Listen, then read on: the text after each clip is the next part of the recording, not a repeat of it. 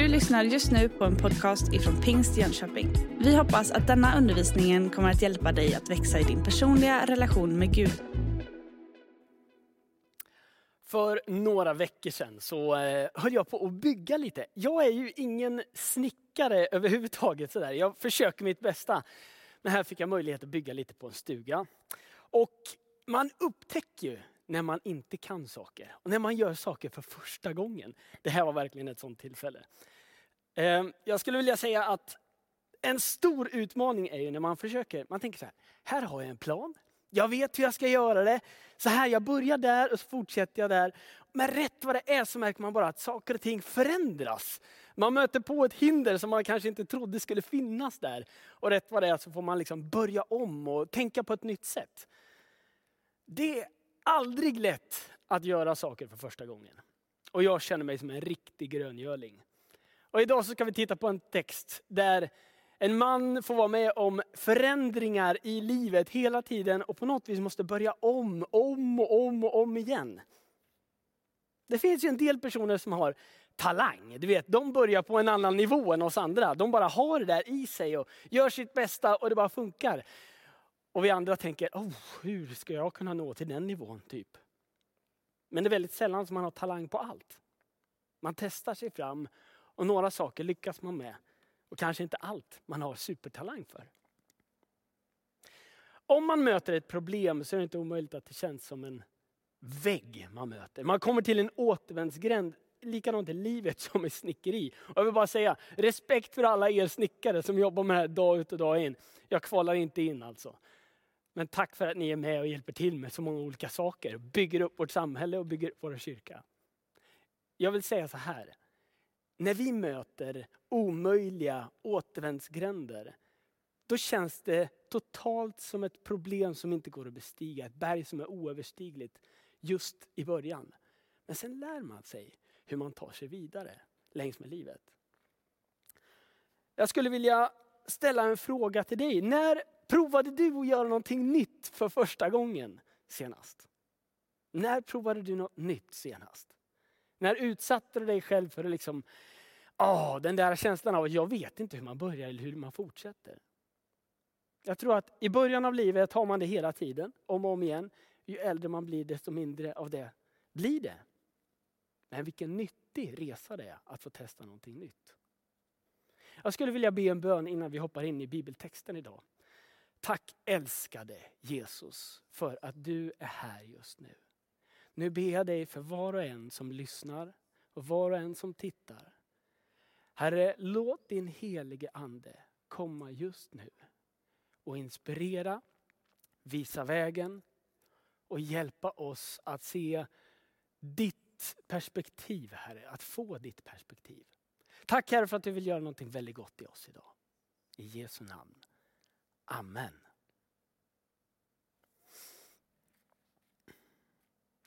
Det var en gång en kille, en ganska vanlig kille.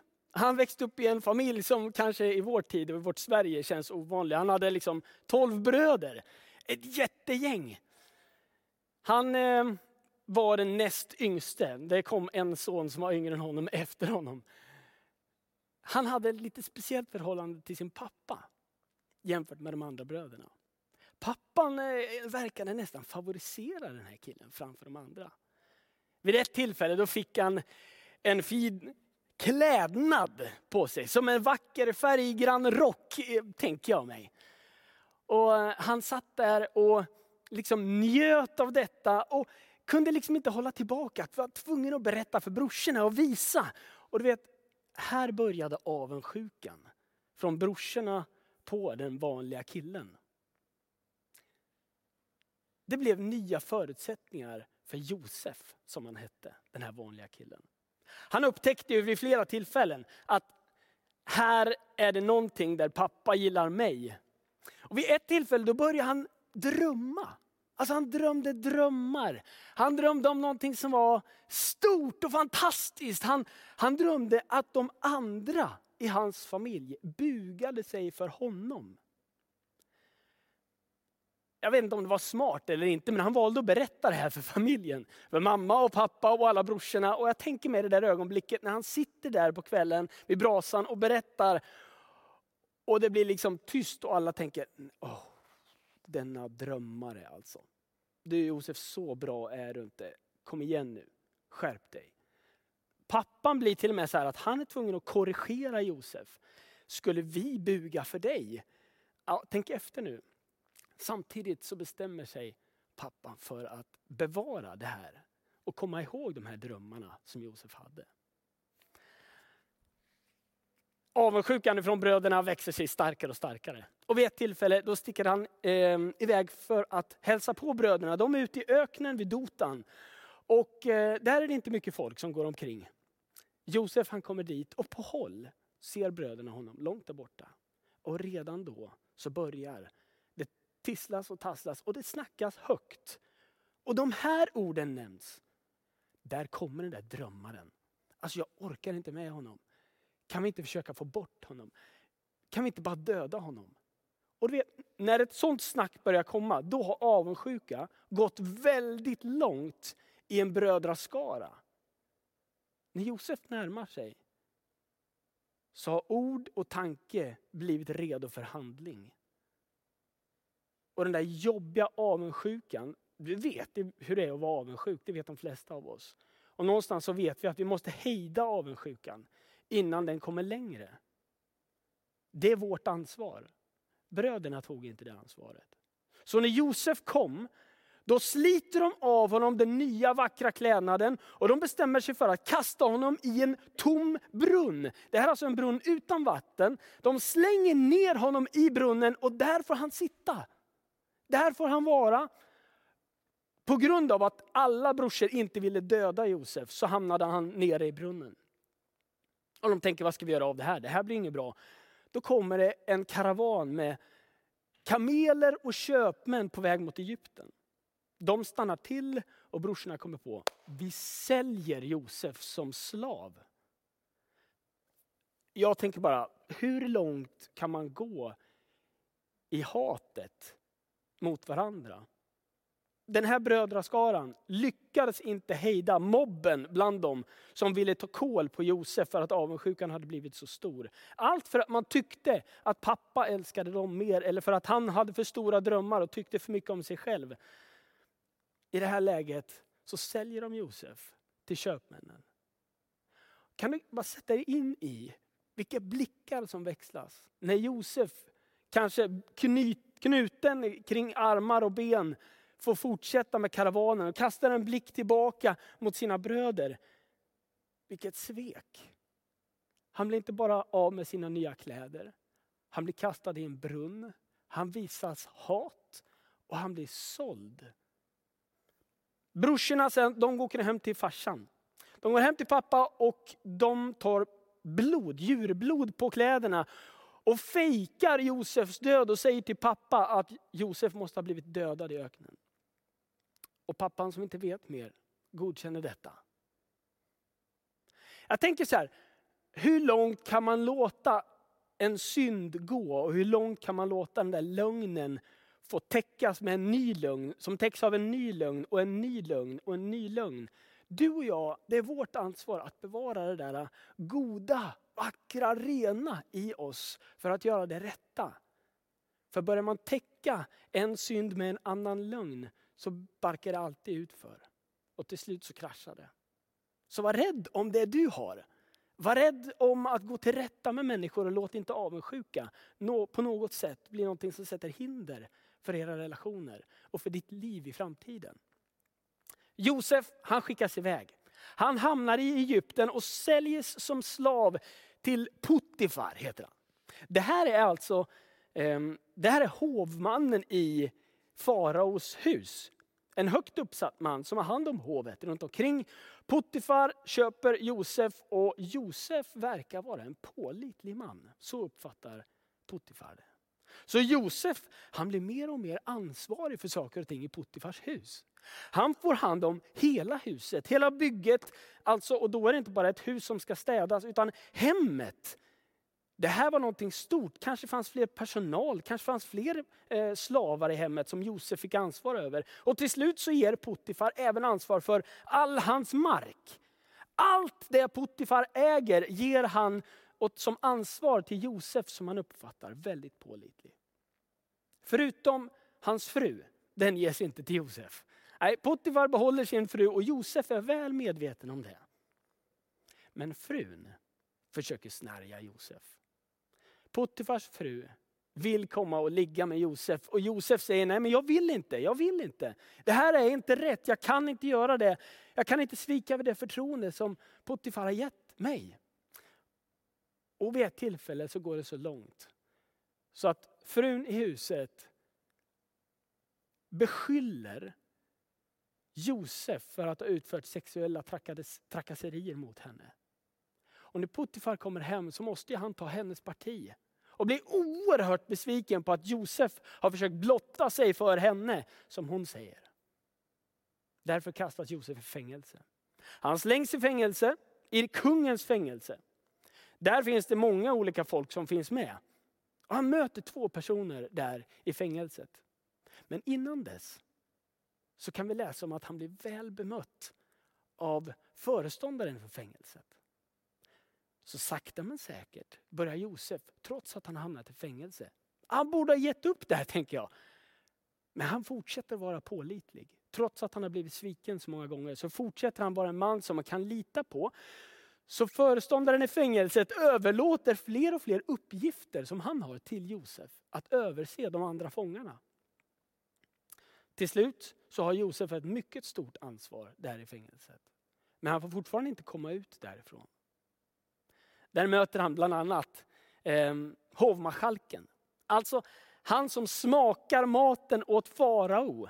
Han som smakar maten åt farao innan farao får käka. För att se så att det inte är något giftigt. Det här var en man som satte livet på spel om och om igen. Och de hade verkat komma i luven på varandra. Så nu var han nere i fängelset också.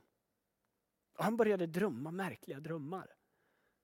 Och Josef som var fylld med Guds ande fick vara till hjälp.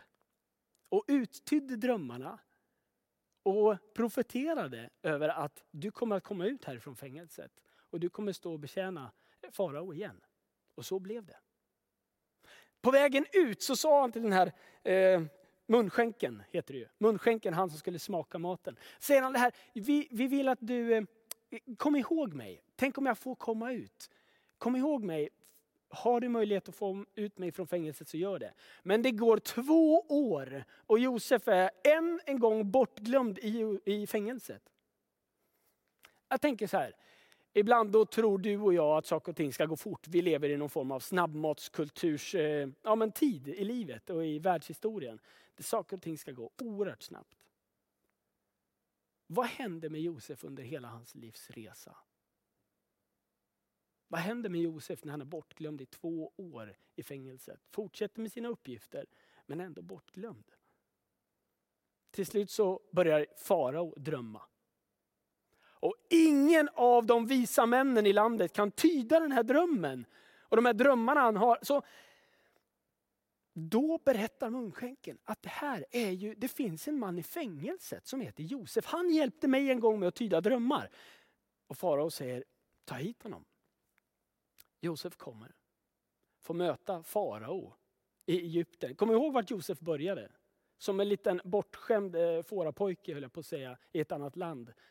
Nu står han ansikte mot ansikte med farao och får lyssna till hans problem som han har. Allt detta för att Josef hade Guds ande i sig och lät Guds ande verka genom honom. Det här är vackert tycker jag. Han står där och farao berättar sina drömmar de innersta drömmarna han har som oroar honom. Och Josef låter Gud leda honom och Guds ande kommer över honom och han får berätta, den här drömmen betyder så här. Vi kommer få sju bra år framför oss och sen kommer vi få sju svåra år. Och Josef har samlat på sig så mycket erfarenheter längs med vägen. Så han har till och med ett förslag på hur ska vi lösa den här situationen under de kommande 14 åren. Och farao säger så här, Gud måste verkligen, jag ser att Guds ande är över dig, säger farao. Han ser att Guds ande är över Josef och han säger, du har fått tillräckligt med vishet, jag kommer att ge dig vad du behöver. Eh, du får nu ansvaret för att hjälpa oss genom de här sju bra åren och sju svåra åren. Så Josef, han blir typ faraos statsminister eller kanske ännu högre.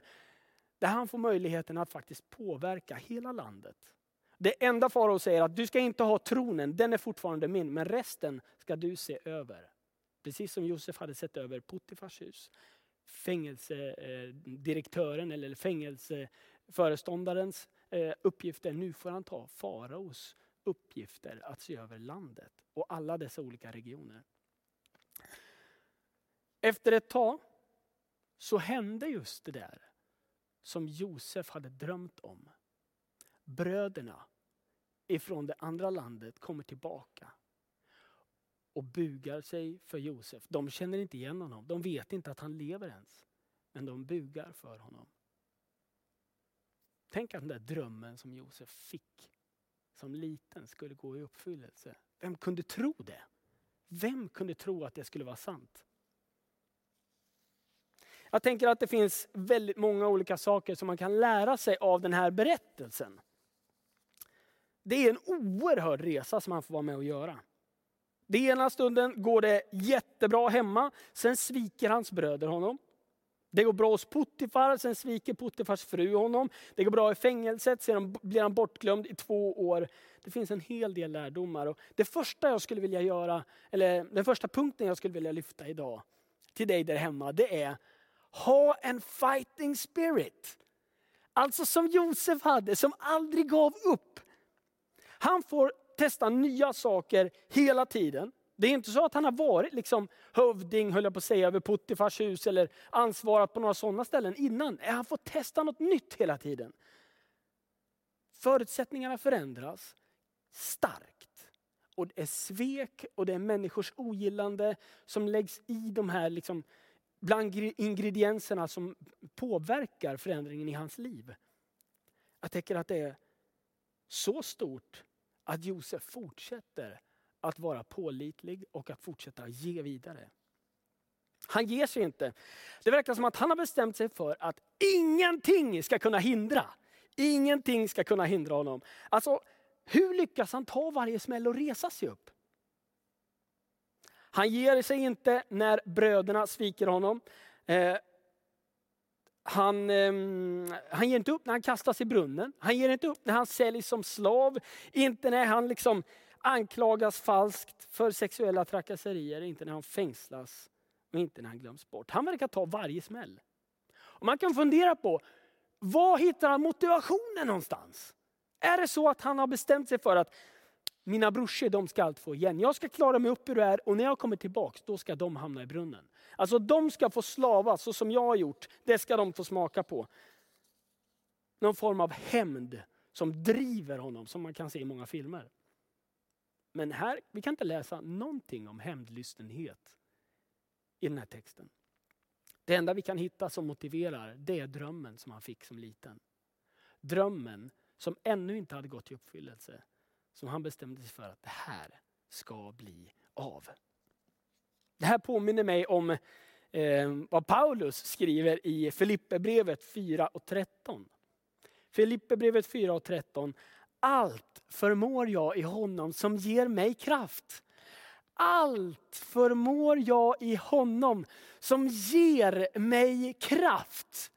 Alltså det är vad Gud har lovat att göra för Paulus, det är vad han gjorde för Josef och det är precis vad han vill göra för dig. Han vill fortsätta att ge dig kraft. Oavsett om omständigheterna förändras, oavsett vad du är med om, så vill han fortsätta och ge dig kraft att klara dig igenom. Han vill ge dig en fighting spirit som inte ger upp när omständigheterna förändras. Allt förmår jag i honom som ger mig kraft ha en fighting spirit som Josef hade. Det var punkt ett. Nummer två då, skulle vara då lita på Gud. Jag tänker så här, när borde Josef ha gett upp? Han måste ha haft någonting mer. Drömmarna, men han hade också sin gudsrelation som till och med farao upptäckte i skarpt läge. Guds ande är ju över dig. Och kom ihåg det där hemma när du lyssnar nu. Guds ande är också över dig. Lita på Gud. Psalm 121 och vers 8 säger Herren ska bevara din utgång och din ingång från nu och till evig tid. Han ska bevara din utgång och din ingång. Alltså inte bara från starten på en era till slutet, utan från slutet in i nästa era. Det där som du och jag ibland kan uppfatta som oerhört svår tid. Vi vet inte, vi vet att vi avslutar, vi tar studenten, eller vi har tagit studenten här i, i våras. Och nu så blir det snart dags för liksom nästa termin att sätta igång. Den här perioden kanske inte är helt enkel. Du kanske inte vet allting. Du kanske är i slutet av ett arbete, eller du kanske är inne i en korttidsarbete, permitteringsperiod. Och du inte vet riktigt hur du ska sluta eller fortsätta. Lita på Gud. För han har lovat att han ska vara med i din utgång och din ingång. Och det där glappet som du och jag kan uppfatta som påträngande jobbigt, kanske till och med dimmigt, svårt att se framtiden i. Så kom ihåg att Gud är där. Han vill hjälpa dig och håller dig i din hand.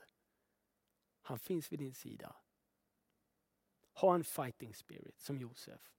Lita på Gud som Josef. Nummer tre skulle vara våga på nytt. Ja, men tänk om Josef hade slutat att vilja pröva nytt. Tänk om han hade kunnat ge anledningar, för han hade en del anledningar, till att inte prova och testa en gång till. Tänk om Josef hade sagt så här till exempel. Jag kan inte det här. Eller han hade sagt, det här lärde jag mig inte på min utbildning. Eller så här brukar vi inte göra hemma, där jag bor och där jag kommer ifrån, i min familj. Eller, ni har varit så taskiga mot mig så jag kommer inte att vara med längre. Eller, nu klarar jag inte mer motgångar. Eller kanske, allt blir bara fel när jag försöker. Så jag kommer inte försöka igen. Med Gud så kan du våga på nytt. Precis som Josef gjorde. När omständigheterna verkar liksom kapa honom vid fotknölarna. Det är som att han är med om en gigantisk glidtackling på fotbollsplanen. Om och om och om och om igen. Varje gång han försöker och tänker, nu börjar det komma uppåt. Liksom, nu börjar livet bli plus här. Snart så kanske jag inte behöver vara slav längre. Och så kapas det på nytt. Jag vet inte vad du är med om och vad du går igenom. Men jag vill säga till dig, kom ihåg att Gud är med dig, likt han var med Josef. Han är med dig och han sviker dig inte. Du vet, jag är övertygad om att Josef också hade de här desperata tankarna, där han var så nära på att låta mörkrets tankar övertyga honom om att det är kört, det är klippt. Tänk om han bara hade stannat vid vad brödernas ord hade varit. När han satt där i fängelse i två år. Och jag tänker, vad snurrade då? I tystheten, i avskildheten, i bortglömdheten, i isoleringen. Där han fick vara med om att, tänk om han hade börjat tänka vad bröderna sa till honom. Du är bara en drömmare. Det där kommer aldrig att hända. Det går två år och jag funderar vad som gick genom hans huvud. Men han bestämde sig för att vara beredd och redo. När farao kallar honom, då är han på plats. Han tvekar inte. Han låter Guds ande leda honom och han finns där. När man ser tillbaka på helheten av den här berättelsen så är det en mycket märklig resa Josef får göra. Från att vara bortskämd pojke hemma till att bli faraos närmaste man och rädda ett helt land ur en fruktansvärd eh, period för hela riket. Jag kan tänka mig att Josef han var med om tuffa grejer. Frågan är om han hade kunnat ha det där ansvaret som, som faraos närmste man. Om han inte hade fått vara med om alla dessa olikheter av ledarskap och tjänande i Egypten. Han lärde sig om kulturen, ledarskapet, han lärde sig om hur det funkade i Egypten. Han, ledde, han, han lärde sig om hur det funkade med tjänande och hur han kunde få folk att liksom inspireras och att göra rätt saker. Jag tänker så här, de där tillfällena som du och jag har i livet där det är tufft. Efteråt så är vi en, rik, en erfarenhet rikare. Och ser man till Josefs liv så tror jag att han var väl beprövad mitt i en svår situation. Men han hade också fått verktyg längs med vägen som gjorde att han kunde genomföra det som var hans nästa steg. Och jag är övertygad, skulle jag intervjua dig nu där hemma och ställa frågor om ditt liv och du kanske tycker det har varit kaos eller nej men jag har haft ett ganska bra liv. Så lovar jag att du har erfarenheter som har prövat dig och som Gud har fått eh, liksom hjälpa dig igenom. Ja. Idag så är liksom temat att sträcka sig längre, att våga på nytt. Och Nummer ett, vad lär vi oss av Josefs berättelse? Jo men det är nummer ett, ha en fighting spirit. Och kom ihåg att Guds ande vill leda dig, han vill vara med dig. Jag tänker att ställ inte in, ge inte upp, ställ om. Kom ihåg Guds dröm. Det han har lagt ner i ditt hjärta och i ditt liv. Släpp inte taget om det. Utan sträck dig mot det som han har kallat dig till att göra. Du kanske tänker att det där är kört för länge sedan, men minns då Josefs berättelse. Och så tänker jag så här, våga ha en fighting spirit. Och kom ihåg att Guds ande är en fighting spirit. Som faktiskt vill kämpa för dig och hjälpa dig framåt. Så du behöver inte slåss själv, utan Gud är med dig. Du har fått de där drömmarna just för att du ska klara dig genom passagerna av motgång och prövning. Ge inte upp, ha en fighting spirit. Nummer två var lita på Gud. När förutsättningarna förändras, ställ om. Ställ inte in, ställ om. Gud är med dig i skiftet. Han är med dig i utgången och han är med dig i ingången och han är med dig i glappet däremellan som kan kännas så dimmigt. Lita på Gud. Och nummer tre är, våga på nytt. Alltså ta chansen och pröva nytt. För just det kan vara din väg in i att din dröm skulle bli verklighet. Även om du inte ser den vägen så klar, så våga pröva nytt. Våga pröva nytt. Lita på att Gud kan leda dig genom tuffa omständigheter. Så vill han ändå hjälpa dig igenom att komma vidare. Så nummer ett idag skulle jag vilja skicka ut en inbjudan. Jag vill inbjuda dig som lyssnar. Du som känner så här, jag vill ha en fighting spirit. Jag vill ha en fighting spirit och jag vill våga på nytt. Jag vill satsa.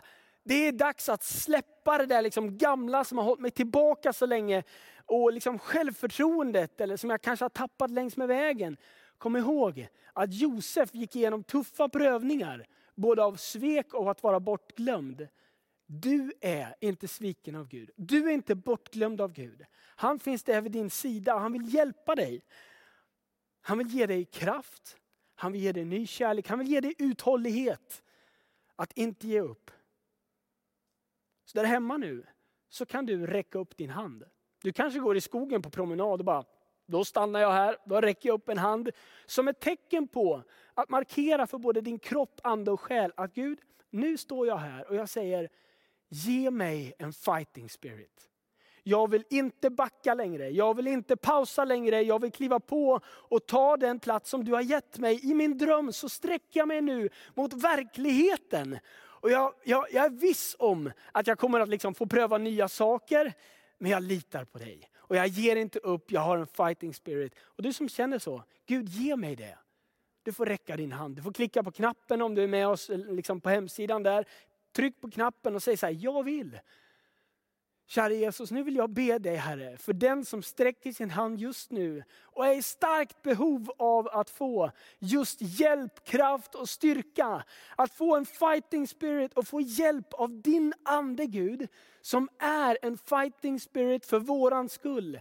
Just nu ber jag dig, helige ande, kom och fyll nu och väck liv i drömmar. Väck liv på nytt i det som har blivit bortglömt. Och jag ber dig i Jesu namn, blås liv i de gåvor och talanger som har varit lagda på hyllan. Nu ber jag dig Jesus att du skulle låta Josefs berättelse inspirera oss och övertyga oss om att ingenting är kört eller bortglömt eller lagt på hyllan för evighet. Utan du har en tanke och en plan för framtiden. Så just nu ber jag dig, heliga ande, blås liv. Blås liv i nådegåvor. Blås liv i profeter. Blås liv i människor som ber för sjuka. Blås liv i vishet igen. Blås liv i ledarskap igen. Blås liv i barmhärtighetens gåva. Som så många har backat från i tuffa tider. Men tack för att du leder just nu. Tack för att du är där Herre. Och vi inbjuder dig helige Ande att ge ny kraft och ny uthållighet att utföra det som du har kallat människor till. I Jesu namn. I Jesu namn, amen. Och nu, jag vill också tala till dig, du som känner så här, jag behöver börja få lita på Gud igen. Jag har inte orkat lita på Gud, det har blivit för tuffa grejer bakom. Men jag lägger nu detta i framtiden med din, i dina händer Herre. Jag vill säga till dig att Jesus han är här för dig. Och när jag har förberett mig inför den här predikan så har jag känt att någon av er som lyssnar funderar på att ge upp på riktigt. Funderar på att ge upp, funderar på att släppa greppet. Men jag vill säga, ge inte upp. För Jesus han är där hos dig. Han vill, han vill ge dig och omsluta dig och låta sina änglar betjäna dig. Han vill låta sin ande hjälpa dig framåt. Han ser hoppfullt på din framtid. Han ser hoppfullt, även om du inte ser allting, så ser han hoppfullt för han har större blick än dig. Han har ett högre perspektiv än dig. Han vet vilka människor som kommer behövas i ditt liv framöver. Ge inte upp. Det finns någon av er som har så tuffa omständigheter och tror att Gud har lämnat dig. Och låt mig säga att Gud sviker inte dig. Han står fast. Han är klippan i hela universum.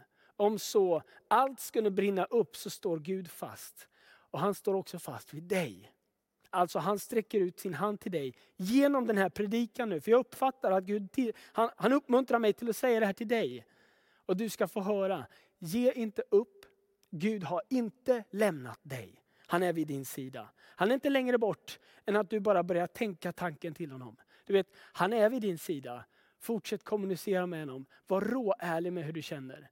Och han ska visa att han älskar dig.